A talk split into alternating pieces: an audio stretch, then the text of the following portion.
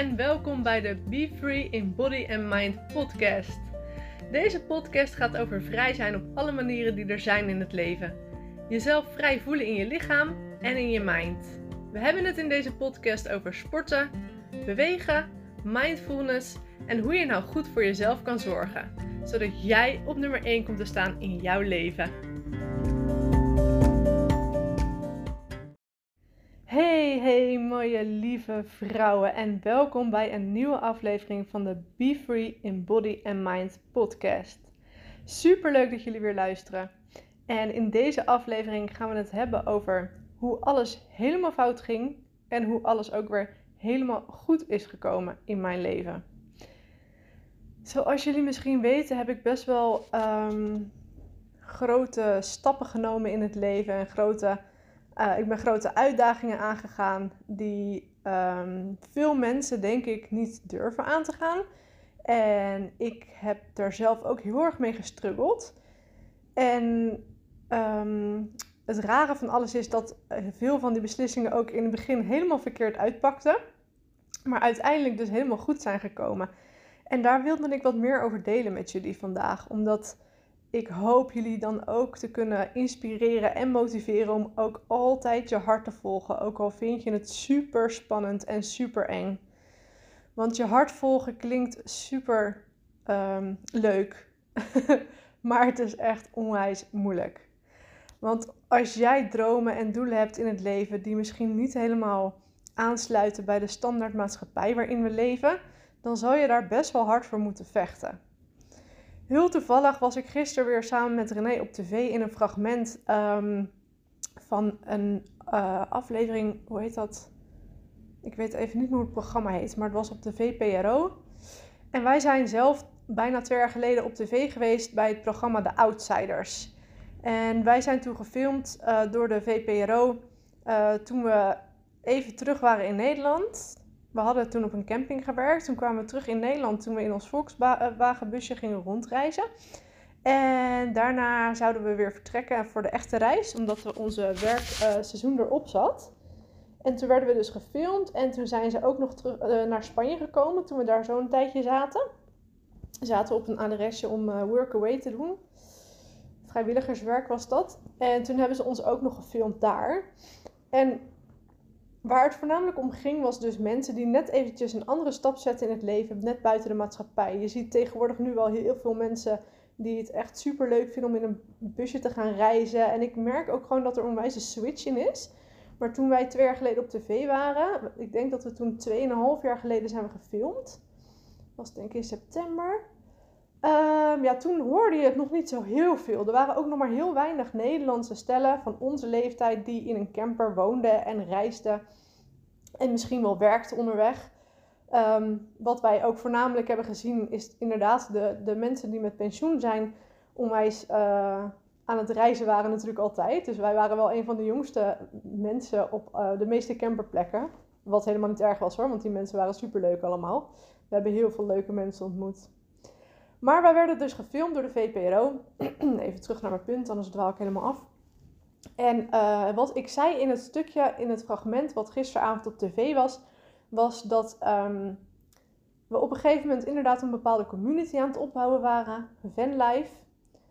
En um, dat het voornamelijk ging over een andere stap zetten in het leven dan zoals wij gewend zijn in de standaardmaatschappij. En daar bedoel ik mee we worden natuurlijk allemaal op een bepaalde eh, manier opgevoed. Ehm, als je jong bent, ga je tegenwoordig naar een opvang. Daarna ga je naar school. Daarna ga je naar middelbare school. En dan ga je een studie doen. Vaak steek je jezelf, als je echt gaat studeren, flink in de schulden. Daarna ga je een goede baan zoeken om je schulden weer af te betalen. En dan heb je als het ware je einddoel bereikt in je carrière.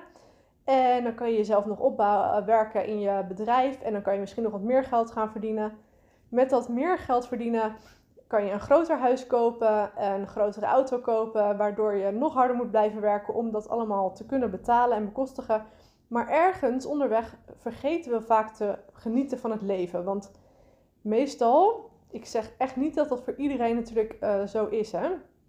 Voordat er mensen overheen komen die zeggen dat ze er super blij mee zijn, is prima. Ieder, ieder mag zijn eigen leven zo indelen zoals hij wilt. Alleen dit is wel standaard hoe het ons geleerd wordt.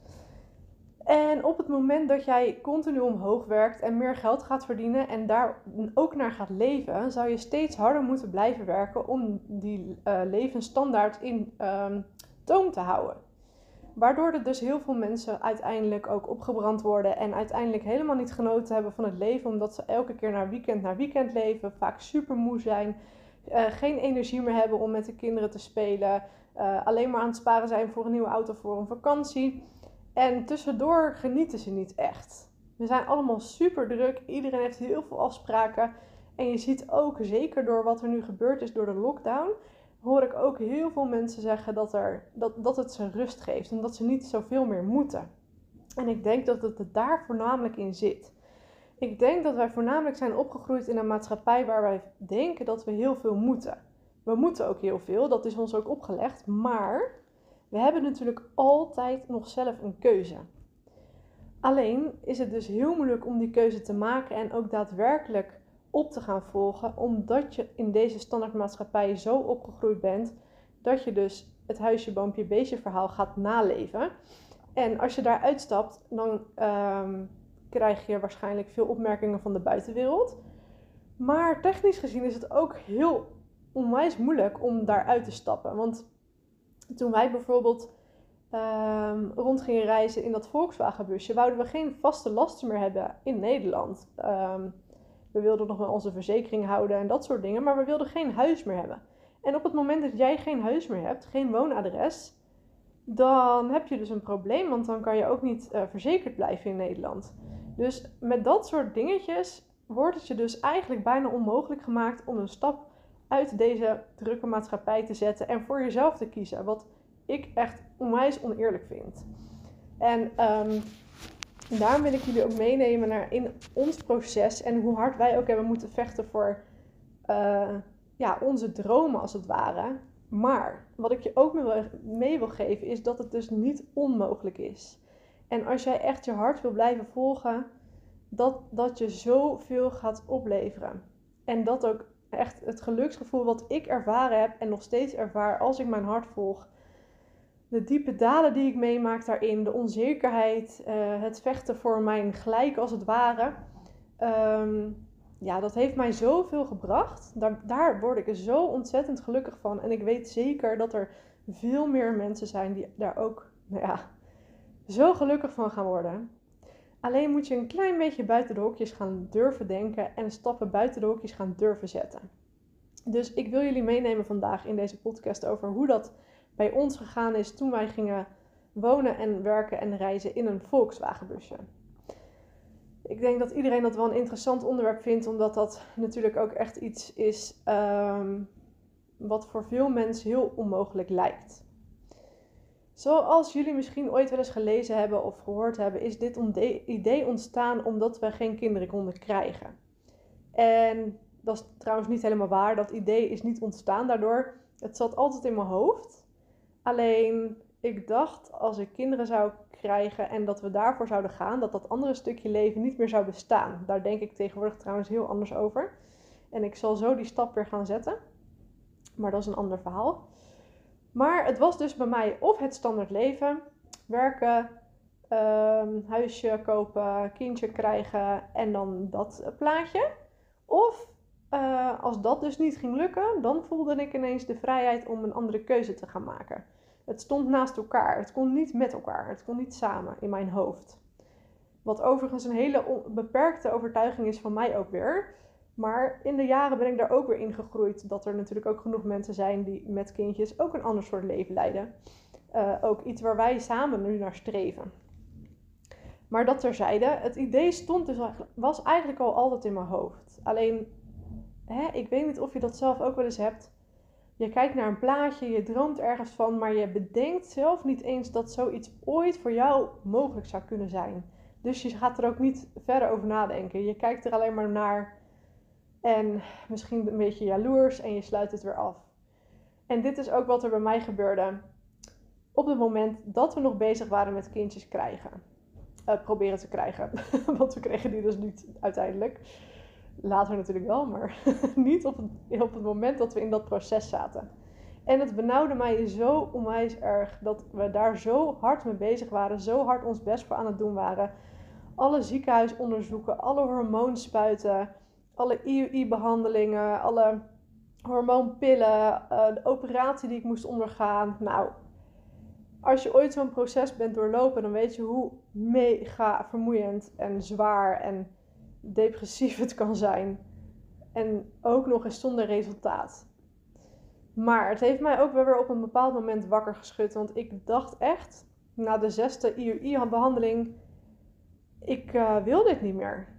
We zijn al jaren bezig. Die onderzoeken lopen al jaren. Ik spuit injecties in mijn lichaam waar ik me mega slecht door voel.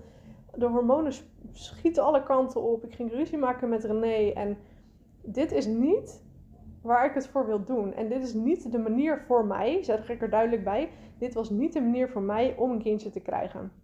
Ik vond het gewoon, ik vond het niet waard dat ik me zo slecht ging voelen. Dat ik iets nastreefde waar ik niet, wat ik niet in de hand had. Dat ik op een gegeven moment um, na heel veel verdriet en tranen tegen René zei: Ik wil hiermee stoppen. Dit is gewoon niet de manier. En ja, het is misschien heel makkelijk om dit nu uit te spreken, omdat ik nu een kindje heb. Maar diep van binnen wist ik dat dit niet de manier was. Maar ik wist ook dat ik ooit toch wel ergens moeder zou worden. Maar op het moment dat ik besloot dat we ermee gingen stoppen, heb ik dat echt letterlijk losgelaten. En mensen kunnen tegen je roepen dat je iets los moet laten. Dat kan niet op commando. Dat is een heel proces, een geestelijk en innerlijk proces die ik zelf heb doorlopen. En dat proces heeft bij mij zes jaar geduurd. Dus forceer je alsjeblieft jezelf niet. Maar pas na zes jaar en heel veel verdriet, frustratie en depressieve maanden heb ik het echt los kunnen laten. En waarom heb ik het los kunnen laten? Omdat we een ander doel hadden. En dit werkte voor mij heel erg in het verwerkingsproces dat we geen kindjes gingen krijgen. En dat ik en René als um, ouder of, of, kinderloos door het leven zouden gaan. Maar daardoor merkte ik dus wel dat ik um, iets uh, er ging een andere deur open, zoals we altijd mooi zeggen. Waar een ene deur sluit, ging een andere deur open. En dat gebeurde ook letterlijk. Want ineens lag de wereld aan mijn voeten. En door alles wat we mee hadden gemaakt in al die jaren. En al het verdriet wat we hadden geleden. En uh, al het geluk wat we naprobeerden te streven, wat we niet in de hand hadden. Um, dat viel ineens allemaal in elkaar. En ineens was heel de wereld voor me open en durfden we ineens heel veel andere beslissingen te gaan nemen. En in de eerste instantie, dat zal misschien niet iedereen weten, of misschien bijna niemand, hadden René en ik besloten dat we naar Curaçao zouden gaan verhuizen. We hebben zelfs een vakantie geboekt naar Curaçao. We zijn naar Curaçao geweest om te gaan onderzoeken ehm, hoe het uh, zal zijn om daar te gaan wonen en te leven. Uh, waar ik nog steeds onwijs uh, enthousiast over ben hoor. Want ik zal nooit uitsluiten dat ik in de toekomst op een eiland ga wonen. Want ik hou gewoon van echt van eilandleven. Alleen het enige wat mij een beetje aan me knaagde, is dat ik zei tegen René, maar een eiland is natuurlijk een eiland. En dit was ook overigens weer van mij een beperkte overtuiging. En dan zitten we daar vast. Dit is dan het leven wat we gaan leiden. We werken daar, we wonen daar, we leven daar. We zouden waarschijnlijk niet heel veel geld verdienen, dus niet meer kunnen reizen. Um, dus dat zal het leven dan zijn. Nu denk ik daar ook weer heel anders over. Dus je zal zien, hè, als je dit soort processen doorloopt, dat er heel veel andere deuren weer open gaan. Maar daar zou ik een andere keer over vertellen. Maar we hadden dus uh, uiteindelijk besloten om um, naar Curaçao te gaan. We waren daarheen gegaan en ik vond het echt superleuk. René vond het superleuk en ik zag ons daar al helemaal zitten. Maar er knaagde dus wel aan mij dat dat dan het enige zal zijn wat we nog zouden doen in ons leven. Ook heel gek, want ik bedoel, we waren toen 34, denk ik. Um, en we kwamen terug in Nederland en ik was op een gegeven moment allemaal vlogs aan het kijken van een jongen uh, die in Amerika rondreisde in een Volkswagen busje. En ik vond het echt fantastisch om dat te kijken. Dan word ik altijd heel erg enthousiast en dan kan ik er helemaal in zitten en helemaal dromen over hoe dat dan zal zijn. Totdat ik ging onderzoeken of er ook mensen in Europa en in Nederland misschien op die manier leefden. En ik was op een gegeven moment bij een paar mensen terechtgekomen van onze leeftijd, maar echt super weinig mensen deden dit maar. Maar ik had een paar mensen gevonden en er waren ook een paar mensen die vlogs erover maakten. Dus ik ben die gaan kijken en ik heb die vlogs aan René laten zien. Want toen ik met dit idee kwam, toen dacht hij echt volgens mij dat ik helemaal gek was geworden. ik weet niet meer precies of exact wat hij allemaal heeft gezegd of uh, hoe hij heeft gereageerd. Maar ik probeerde hem erin mee te nemen, mijn enthousiasme. En uiteindelijk werd hij dus ook echt super enthousiast. Hij, hij zag ook echt uh, ja, het avontuur ervan in. En hij dacht, wauw, wat, uh, wat, wat leuk en wat avontuurlijk. En op die manier kunnen we dus wel echt heel de wereld nog verkennen. En omdat we op die manier leven, hebben we heel weinig vaste lasten. Dus dan kunnen we dat ook best wel een lange tijd gaan doen. Nou, zo is een beetje dat idee ontstaan. Dus uiteindelijk, nou, de eerste les hieruit was eigenlijk, we konden geen kinderen krijgen. Het was echt mega verdrietig en depressief. En we hebben echt hele diepe dalen gekend. Maar doordat dit idee ontstond, kwam het ineens weer helemaal goed. We hadden weer een doel voor ogen en dat was wat we even nodig hadden. Dus, toen kwam het volgende plan. Hoe gaan we hier aan werken? We hebben met z'n tweeën even om de tafel gezeten en we zeiden: Oké, als we dit echt willen, dan betekent dat dat we met heel weinig spullen gaan leven. En dat we ook uh, met heel weinig geld kunnen overleven. Dus daar moeten we nu alvast aan wennen. En de vaste lasten die we nu gaan schrappen, kunnen we gaan sparen om eventjes uh, een kijkje in ons leven te geven. René en ik waren allebei gewoon uh, twee verdieners. En we hadden een huurwoning. We hadden niet onwijs een hoge hypotheek of iets. We hadden allebei gewoon een salaris. Ik werkte fulltime als kapper. En René werkte op kantoor. We hadden gewoon een, redelijk salaris. Als kapster heb je helemaal niet een redelijk salaris. Dat is echt heel weinig. Maar we hadden samen gewoon een redelijk salaris. We konden daar best wel van overleven. En daar zouden we echt wel een gezin van hebben kunnen stichten. Maar we hadden nooit geld over aan het eind van de maand. We kwamen altijd geld tekort. Totdat we dit dus zijn gaan omdraaien. En ik ben me heel erg gaan verdiepen in minimaliseren en onze vaste lasten schrappen. Als eerst hebben we onze tv-abonnement geschrapt. Want tv keken we eigenlijk nooit. We kijken alleen maar als we iets kijken, iets van Netflix of... Uh, tot op de dag van vandaag kijk ik sowieso echt geen tv. Ik kijk geen nieuws. Ik um, ben echt wel van alles op de hoogte, maar um, Nee, ik weet dat ik gewoon geen energie krijg van wat er allemaal op tv uh, gebeurt. En dat, dat mijn dag er ook door beïnvloed wordt. Dat mijn kijk op het leven erdoor beïnvloed wordt. En dat is iets wat ik absoluut niet wil. Want ik wil echt dicht bij mezelf blijven. Nou, René daarentegen vond dat uh, gelukkig ook geen probleem. Want die keek nog wel eens iets van televisie. Maar hij zag ook in dat het dit bijvoorbeeld weer, nou wat zal het zijn, 30 euro per maand zou schelen. En dan denk je, nou 30 euro is niks. Maar als je dat uit gaat rekenen per jaar en als je dus een bepaald doel hebt, dan uh, kom je toch wel weer op een flink bedrag uit. Dus we hebben ons tv-abonnement geschrapt. Ik ben mijn CrossFit-abonnement gaan schrappen. Die was echt wel duur, volgens mij iets over de 70 euro per maand of zo. Um, ik uh, heb een heel goedkoop uh, telefoonabonnement genomen met een goedkopere telefoon. René heeft precies hetzelfde gedaan. Volgens mij betaalden we daarvoor iets van 100 euro per maand een abonnement en hebben we dat gehalveerd. Nou, en door dit soort kleine dingetjes uh, te gaan schrappen, konden we uiteindelijk ineens 1000 euro per maand sparen. Echt onwijs bizar. Want wat ik al zei, hiervoor hadden we nooit geld over en we zaten altijd in de, in de stress aan het eind van de maand. En ineens hadden we 1000 euro per maand tot onze beschikking om te sparen.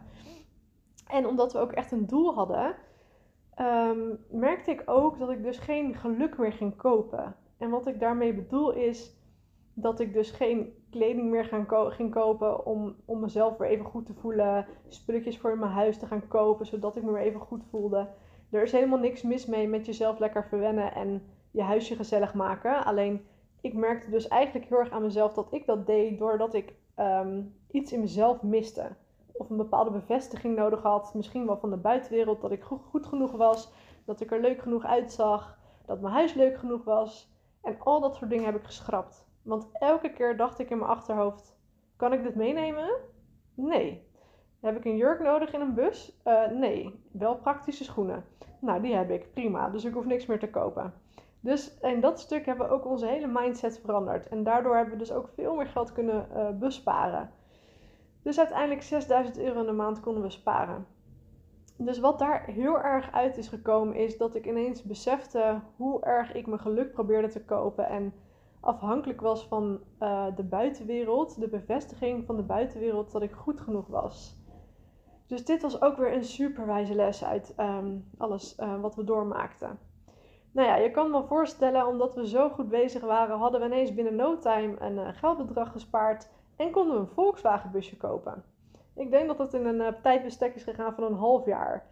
En dat Volkswagen busje, nou echt, ik, ik heb er echt dagen in doorgebracht. Alleen maar omdat ik het gewoon zo fantastisch vond dat we dat busje hadden. En ik heb hem geverfd en ik heb allemaal spulletjes gekocht voor in het busje. En ik ben me steeds meer gaan inleven. En René was ook super enthousiast. Die ging er ineens aan klussen, terwijl die helemaal niet heel technisch is. En ja, omdat we gewoon al helemaal in die vibe zaten, ging het gewoon super snel. Want ik denk dat we dat busje ongeveer in februari gekocht hebben. En we vertrokken uiteindelijk ineens in eind juni. Vertrokken we al ineens voor onze reis. Dus heel onze droom was binnen een jaar gerealiseerd. Terwijl we dus echt het jaar daarvoor depressief uit het ziekenhuis kwamen en geen rode rotcent eh, hadden, om het zo maar te zeggen. En, en een beetje slapend het leven leiden. Dus wat ik hiermee wil zeggen is, als je een doel en een droom hebt en je gaat er echt voor de 100% voor, en niet voor 90%, nee echt 100%, dan kan het super snel gaan. En ook omdat je dus in die positieve energie zit van oké, let's go, hier gaan we echt aan werken. En dit is ook echt waar we gelukkig van worden. Dus ik denk, um, nou, februari hadden we ongeveer dat busje. En in uh, eind juni vertrokken we. En hoe hebben we dat nou gedaan? Want de eerste vraag die ik aan iedereen altijd, van iedereen altijd kreeg was: hoe verdien je dan geld? En ik had zelf ook geen idee hoe ik dat moest gaan doen. Dus ik ben eh, echt gaan onderzoeken. En toen kwam ik uiteindelijk op seizoenswerk. En uh, nou ja, in het zomerseizoen kan je dus altijd op een camping werken of uh, weet ik veel, vakantiepark of iets.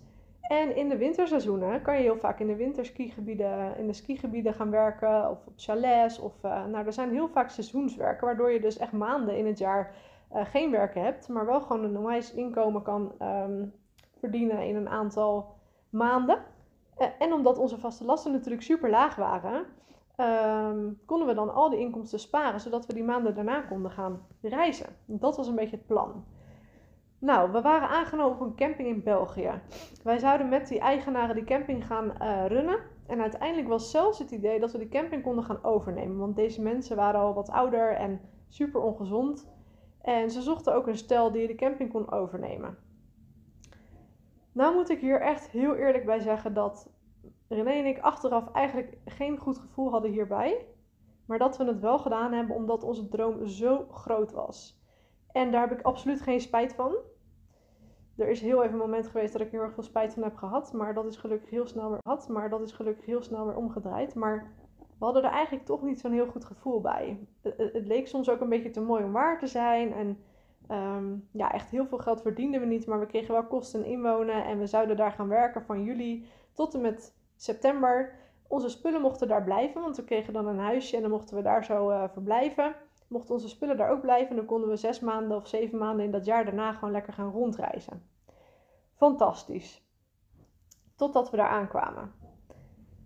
En we hebben er al met al volgens mij maar twee weken gewerkt. En um, we kwamen er eigenlijk al heel snel achter dat die eigenaren onwijs alcoholisten waren. Maar echt heel erg. Wij moesten hun bar, of in ieder geval René, die vulde hun bar altijd aan. Ze hadden echt een privébar. Er zat een restaurant bij camping. Um, waar de man zelf ze altijd aan de bar zat te drinken. En die vrouw die dronk heel de dag door terwijl ze ook in de bediening stond. En dat ging natuurlijk echt 9 van de 10 avonden onwijs fout.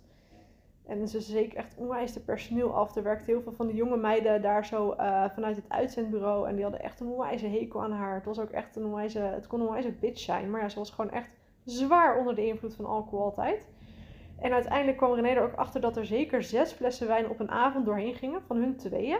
Maar ze begonnen smiddags met tweeën in hun eigen huisje altijd al met drinken met de lunch.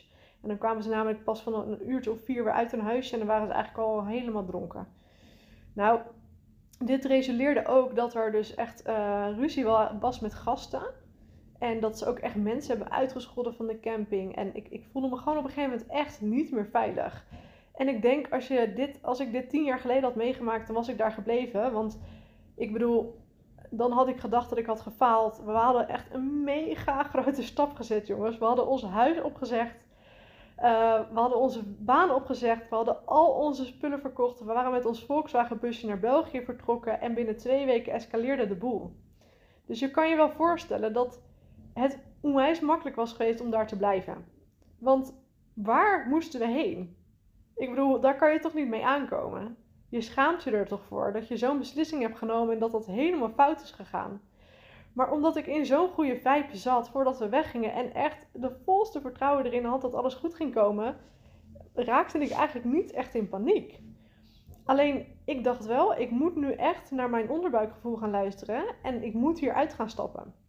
En dat heb ik tegen René gezegd. En hij zei: Wil je hiermee stoppen? Ik zeg: Ja, ik wil hier echt mee stoppen. Ik weet niet wat we gaan doen, maar we gaan hier weg. Nou is René altijd zo slim geweest dat hij altijd uh, iets achter de hand heeft. Dat moet ik hem nageven. Hij denkt altijd net even iets verder naar dan mij misschien. En hij heeft altijd contact gehouden met een andere camping-eigenaar waar we ook aan de slag mochten. Alleen daar lagen onze kansen wat lager in uh, doorgroeien. Vandaar dat we gekozen hadden voor deze camping. Maar René heeft nog steeds contact gehouden met die camping-eigenaar en vertelt wat de situatie was. En die man zei: Joh, kom maar hierheen, jullie kunnen hier zo lekker in het eetcafé gaan runnen. Dus zo gezegd, zo gedaan. We zijn vertrokken van die camping in België en ik was echt weer helemaal van slag. Uiteraard, ik was ook echt wel een beetje down ervan, want ik bedoel, zo'n grote beslissing eh, nemen en binnen twee weken weer weggaan, hoe ga je dat uh, onder ogen komen naar familie toe, naar je ex-collega's? Nou ja, goed, noem maar op. Maar ik heb dat ook wel een beetje los kunnen laten, want we hadden heel snel weer werk. En één ding was zeker, één ding stond vast. We gaan gewoon door. We gaan met onze reis verder. We hebben geen huis meer en ik, ik ga niet meer terug naar Nederland. Dat was echt gewoon uitgesloten. Dus zoals je kan voorstellen, ging alles helemaal verkeerd. En ja, daar kan je echt heel rot door voelen. Maar wederom is het dus weer helemaal goed gekomen. Het was weer een onwijs dieptepunt in onze ehm, reis. Letterlijk, onze levensreis en onze reis. Maar we zijn bij die andere camping aangekomen. Het was een camping in Duitsland. En dat voelde daar gelijk al een stuk beter. En ehm, ja, we moesten weer een beetje acclimatiseren. En uh, we gingen op een gegeven moment met z'n tweetjes daar zo het eetcafé runnen. We moesten ook even wennen aan elkaar, aan de camping-eigenaar. En, maar uiteindelijk is dat helemaal goed gekomen. En we hebben dus super leuke maanden gehad daar. We kregen uiteindelijk een caravannetje waar we in konden wonen met een voortent. Onze hondjes mochten altijd mee naar het werk. Um, nou, we voelden ons daar gewoon helemaal thuis. En we zijn tot eind september daar gebleven. En uh, we hadden ook afgesproken om het jaar daarna weer daar aan de slag te gaan. Zodat wij zelf een half jaar de tijd zouden hebben om lekker rond te reizen. En daarna weer lekker verder te gaan met dat eetcafé op te bouwen. Het was gewoon een heel groot uh, eetcafé uh, van de camping. Maar ook een gedeelte van de gemeente daar. Want het, um, er was ook een, zo'n luik naar het zwembad. Dus we verkochten ook snacks daar zo. En in het uh, laagseizoen gingen we echt mensen serveren op tafeltjes. Dus dan runden we echt een soort van restaurantje met z'n tweetjes. Trouwens, echt iets wat we allebei echt nooit hadden gedaan hoor. Dus het was ook echt. Ik had nog nooit van mijn leven patat gebakken in een frituurpan. Want ik heb zelf nooit een frituurpan gehad. Dus echt alles was nieuw. Maar het is ons gewoon gelukt. En we waren met z'n tweeën ook gewoon echt een supergoed team. Want dat had natuurlijk echt kunnen escaleren. Ook in onze relatie. Maar oh jongens, we waren daar echt gewoon helemaal zen en tot rust gekomen. En wat ik hiermee wil zeggen is, weer was dus alles helemaal fout gelopen en weer is alles helemaal goed gekomen. Uiteindelijk waren we teruggereden naar Nederland om even op vakantie te gaan, om eventjes iedereen weer gedag te zeggen. Um, en daarna zouden we dan voor zes maanden vertrekken, de wijde wereld in en dan weer terugkomen uh, in, naar de camping, volgens mij in april of mei of zo. En dan gingen we daar weer lekker werken. En daarna zouden we wel verder zien. We hadden ook geen plannen voor het jaar daarna of zo. We gingen wel kijken waar het ons ging brengen. En uiteindelijk waren we dus in Nederland. En toen kreeg ik een mailtje van de VPRO of ze kennis met ons mochten maken. Omdat ze dus aan het onderzoeken waren uh, hoe mensen ook anders leefden soms. En dat was dus het programma waar we uiteindelijk voor gefilmd zijn. Um, nou, we hebben met hun kennis gemaakt en ze zijn naar uh, onze ouders huis gekomen, waar we toen verbleven. Voor twee weken zouden we blijven in Nederland volgens mij. En toen wilden ze ons dus filmen uh, dat we weggingen. Nou, superleuk, zo gezegd, zo gedaan. Uiteindelijk was het allemaal een beetje uitgesteld en uh, zijn we volgens mij drie weken in Nederland gebleven, omdat ze binnen no time een cameraploeg bij elkaar moesten rapen en dit eigenlijk in eerste instantie alleen nog maar een idee was. dus wij zijn voor hun ook even iets langer gebleven. En daardoor kregen we ook nog een andere kans. Want de camping-eigenaar die was ziek geworden en die stond altijd op de kampeerbeurs. En hij kon dus niet naar die beurs toe. Dus hij vroeg René en mij of wij graag die beurs wilden gaan draaien om te gaan promoten de camping. Dus dat hebben we ook nog even drie dagen gedaan. Dat was ook onwijs leuk om te doen met z'n tweeën. Waardoor we ook weer even wat extra geld verdienden en dus even wat uh, financieler wat meer ruimte hadden. Maar goed, we zijn dus uiteindelijk gefilmd door de VPRO en we zijn vertrokken door, naar Europa. En ik zal jullie in een andere podcast meenemen hoe dat allemaal ging en uh, hoe we dat hebben ervaren. Maar um, ja, het was gewoon het gevoel dat je dan uiteindelijk echt wegging en echt je droom ging leven. Nou, dat was echt fantastisch. Ik kan nog steeds helemaal in dat gevoel komen en het was gewoon echt geweldig. En misschien weten jullie al een beetje het einde van dit verhaal, maar ik denk, we zijn in september vertrokken. Uh, we zijn um, best wel snel naar Zuid-Frankrijk gereden, binnen een week denk ik. Toen zijn we daar lekker aan het strand gaan staan en nog genoten van het weer, want het was daar nog lekker ergens in de 20 graden. Toen zijn we heel rustig door uh, Spanje heen gaan reizen, de kust van Frankrijk, de kust van Spanje. En uiteindelijk, ik had ons ingeschreven voor een website die heet Workaway. Over heel de wereld uh, kan je daar vrijwilligerswerk vinden. Bij mensen thuis ook vaak, maar ook in hostels. Of, nou ja, je, je kan het echt zo gek niet bedenken. En um, je ziet dan ook op die site of er mensen of workaway adressen bij jou in de buurt zijn. En de mensen die dus hun als uh, host hebben opgegeven, dus dat je bij hun kunt werken, die zien dan ook of er mensen bij hun in de buurt zijn die dat werk kunnen gaan doen. Dus ik kreeg een e-mail van een vrouw en die heette Lin. En die vroeg uh, zich af of ik en René zin hadden om bij haar de tuin te komen helpen doen. Want ze woonde alleen in een heel leuk uh, vrijstaand huisje in de bergen in Spanje. En de tuin doen is uh, onwijs gedoe daar zo, want het was best een groot stuk land. En ze vroeg zich af of wij het leuk vonden om bij haar lekker in de tuin te komen werken. Het zou die twee weken heel slecht weer worden, dus ze stuurde ook echt heel schattig. Komen jullie lekker hierheen? Ik heb Netflix en we zetten lekker een open haartje aan en dan gaan we lekker een wijntje drinken. En ze zocht ook specifiek naar een, een stel van rond de 30. Um, omdat ze dan ook niet het gevoel had dat ze die andere mensen die bij haar konden komen werken moest entertainen, omdat we ook elkaar hadden.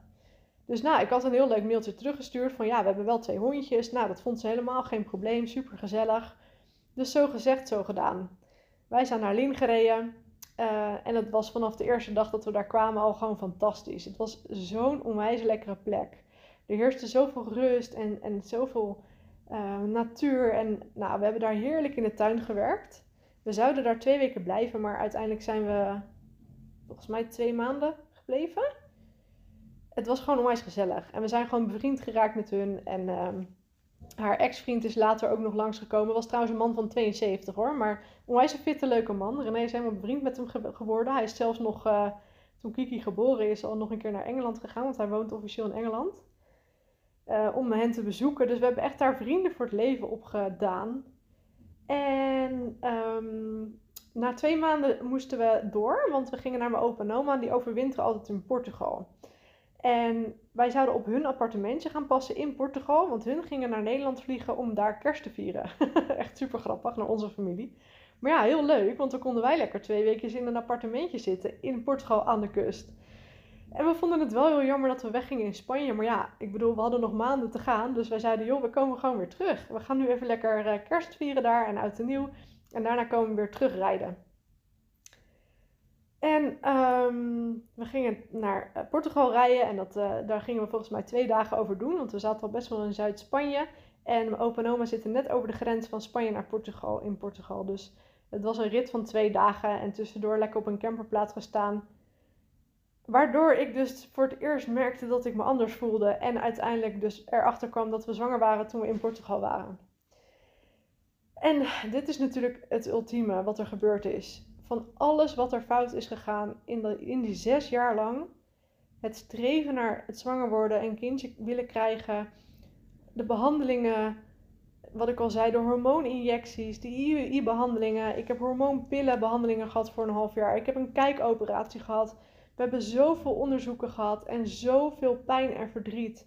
En we waren maar een paar maanden op weg en ik was gewoon ineens zwanger. Hoe is het mogelijk?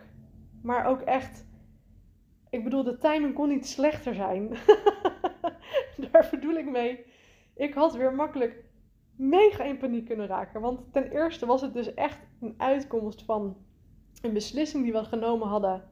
We hebben alles losgelaten. En uiteindelijk komt het dus goed in de zin van dat ik zwanger was. Maar we hadden geen huis meer. We hadden geen werk meer.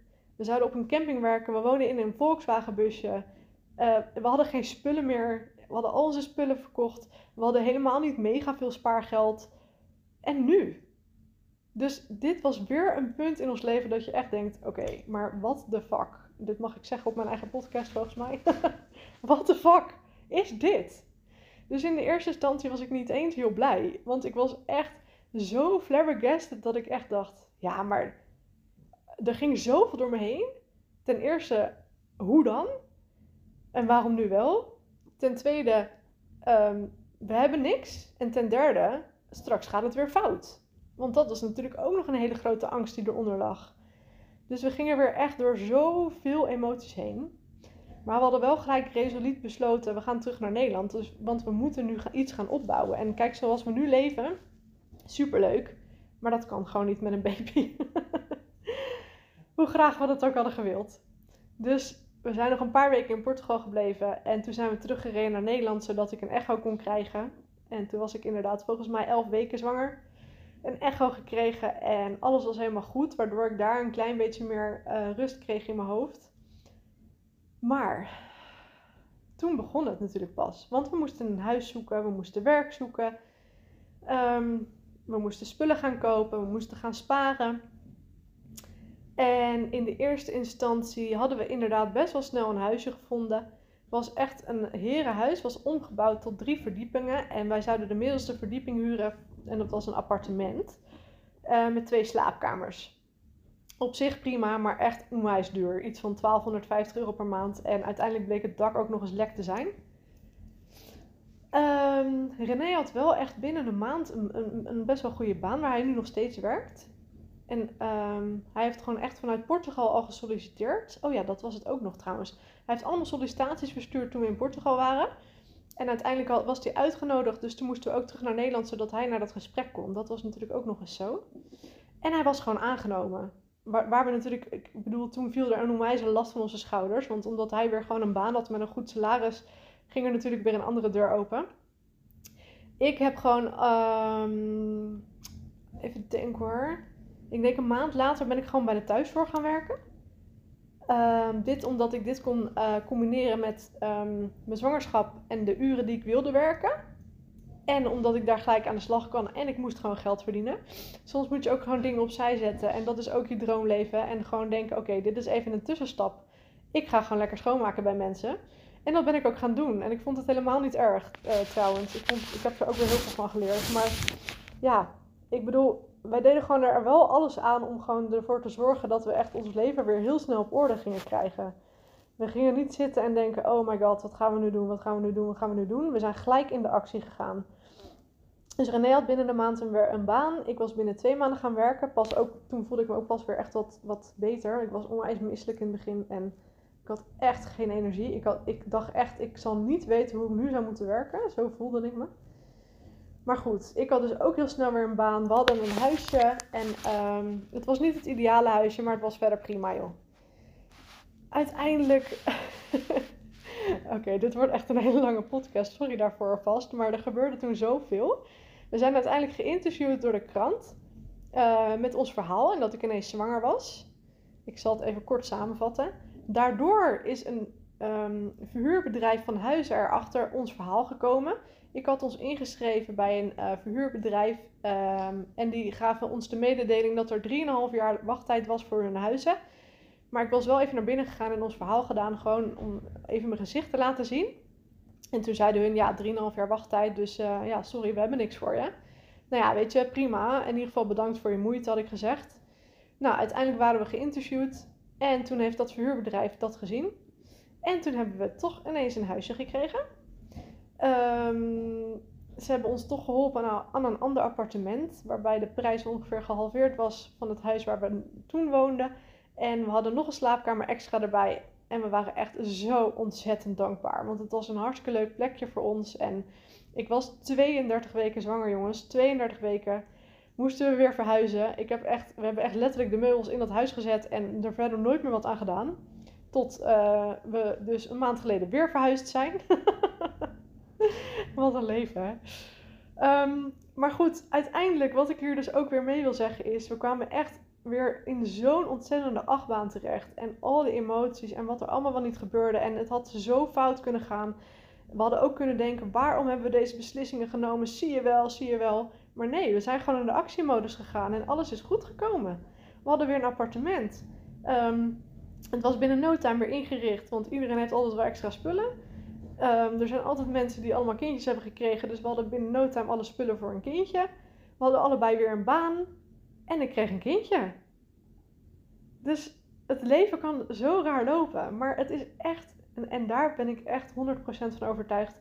Het is alleen maar zo gelopen omdat ik gewoon, omdat wij gewoon die stap hebben genomen en altijd in vertrouwen zijn gebleven. We hebben altijd vertrouwen gehad dat het goed ging komen. En natuurlijk zijn er momenten geweest dat we het niet meer zagen zitten. Ik bedoel, het was echt een achtbaan van, van ons leven. En er zijn natuurlijk genoeg momenten geweest dat we het even niet meer zagen zitten. Maar het hele doel van deze podcast en dit verhaal is om jou te vertellen: het komt altijd weer goed. Hoe slecht je ook denkt dat het nu gaat, het komt altijd weer goed. Echt waar. Hoe diep je ook in de put zit. Hoe eng je dromen ook zijn. Hoe, hoe moeilijk het ook lijkt om de eerste stap te nemen. Het komt altijd weer goed. Echt. Je moet er altijd vertrouwen in hebben en jezelf niet laten leiden door je angst. En de beren die je op de weg ziet momenteel. Want ik bedoel, we hadden alleen maar beren op de weg. We hadden echt, het had zo anders kunnen aflopen als we alleen maar hadden gedacht: Ehm, nee, dit kan niet, dit kan niet. Ehm, er zijn genoeg redenen waarom we niet in zo'n busje zouden kunnen gaan wonen. Er waren genoeg redenen dat toen ik zwanger was, dat ik in paniek zou hebben geraakt. Maar dat is niet gebeurd, want we hadden gewoon vertrouwen. En juist omdat we deze stap hebben genomen, hebben we dus nu uiteindelijk een kindje gekregen. Omdat ik eindelijk de rust heb gevonden en mijn hart ben gaan volgen. Daar ben ik 100% van overtuigd. Er is gewoon geen andere verklaring voor. Want medisch gezien was er met ons niks aan de hand. Maar we hebben alles doorlopen wat je kan doorlopen om een kindje te krijgen en het lukte niet. En op het moment dat ik eindelijk mijn hart ben gaan volgen en mijn gevoel ben gaan volgen en echt gaan leven zoals ik daarvan droom, heb ik daar een kindje van gekregen. En heb ik de leukste avonturen meegemaakt met mijn man en mijn gezin die er waren. En is de stap voor ons nu zoveel makkelijker de volgende keer om weer zo'n stap te nemen, om nog steeds ons hart te volgen. Het heeft me nu geleid tot mijn eigen coaching business. Ik bedoel, ik, ik help nu vrouwen die ook niet lekker in hun vel zitten, die, die geestelijk en, en lichamelijk niet lekker zijn. Ik, ik heb gewoon mijn droombusiness opgebouwd. Zoals ik er altijd van droomde voordat ik al wegging. En ook een stap die ik nooit had durven zetten als ik nooit deze stappen had genomen die daarvoor zijn uh, gezet. Gewoon omdat ik dan niet meer in de angst blijf zitten. Ik zie alleen nog maar mogelijkheden. En op het moment dat je mogelijkheden ziet, dan kan er niks, niks kan je gebeuren. Geld was een probleem, uh, het huis was een probleem, alles was een probleem. Maar we hebben het gewoon op kunnen lossen doordat we gewoon um, doelgericht te werk gingen en echt ons hart zijn gaan volgen. Dus ik hoop, ik hoop echt van harte dat dit verhaal jullie heeft geïnspireerd om ook stappen te gaan nemen naar jullie droomleven. En ook al weet je nu niet hoe je het wil gaan doen, ga gewoon alvast geïnspireerd worden. Word, zoek gewoon mensen die al doen wat jij doet. Ehm, zoek er een coach bij. Ik bedoel, neem contact met mij op. Ik bedoel, ik kan je altijd helpen. Ik kan altijd even met je sparren om te kijken wat ik voor je kan doen. Ik heb ook andere mensen contact opgenomen die bijvoorbeeld al coaching business hadden of die al uh, in een busje rondreisden of um, alle dromen die ik graag wilde, die mensen al deden, dan dacht ik, waarom zal ik het niet kunnen? En waarom zouden die mensen mij er niet bij willen helpen? Dus ik heb ook contact gezocht met iedereen om, om um, gewoon informatie te winnen en geïnspireerd te blijven. Dus zorg dat je gewoon zelf de eerste stap neemt om ook gewoon echt of, um, gemotiveerd te blijven. dat woord zocht ik. Want echt jongens, het leven is veel te kort om niet je hart te volgen. Ik denk dat we dat allemaal weten. En we weten ook dat er binnen no iets anders kan zijn. Dat, het, dat als je morgen wakker wordt, dat de wereld er anders uit kan zien. Dus waar wacht je nu op? Ga het alsjeblieft doen. En mag ik je ergens bij kunnen helpen, stuur me dan alsjeblieft een berichtje. Want um, ik coach vrouwen dus echt om lichamelijk en geestelijk lekker in hun vel te komen zitten. Zodat ze ook echt de zekerheid gaan krijgen om ook stappen te gaan durven nemen uh, naar hun droomleven. Ik hoop dat jullie dit een leuk verhaal vonden. En uh, laat me alsjeblieft weten wat je ervan vindt. Je mag me een mailtje sturen. Ik zal hieronder in de comments even een mailadres neerzetten. Je mag me op Instagram een berichtje sturen. Sabine Melissa Smit. Uh, of um, op Facebook. Maar ik vind het super leuk als je iets van, van je laat weten. En of ik je misschien ook heb geholpen om uh, gemotiveerd te worden om ook jouw dromen en je hart te gaan volgen en je dromen uit te laten komen. Voor nu wens ik jullie nog een hele fijne dag en bedankt voor het luisteren. En volgende week zondag komt er weer een nieuwe podcast online. Voor nu doe ik elke zondag zet ik een leuke podcast voor jullie online om um, jullie uh, te helpen op allerlei verschillende vlakken. Hele fijne dag, lieve vrouwen. Doei!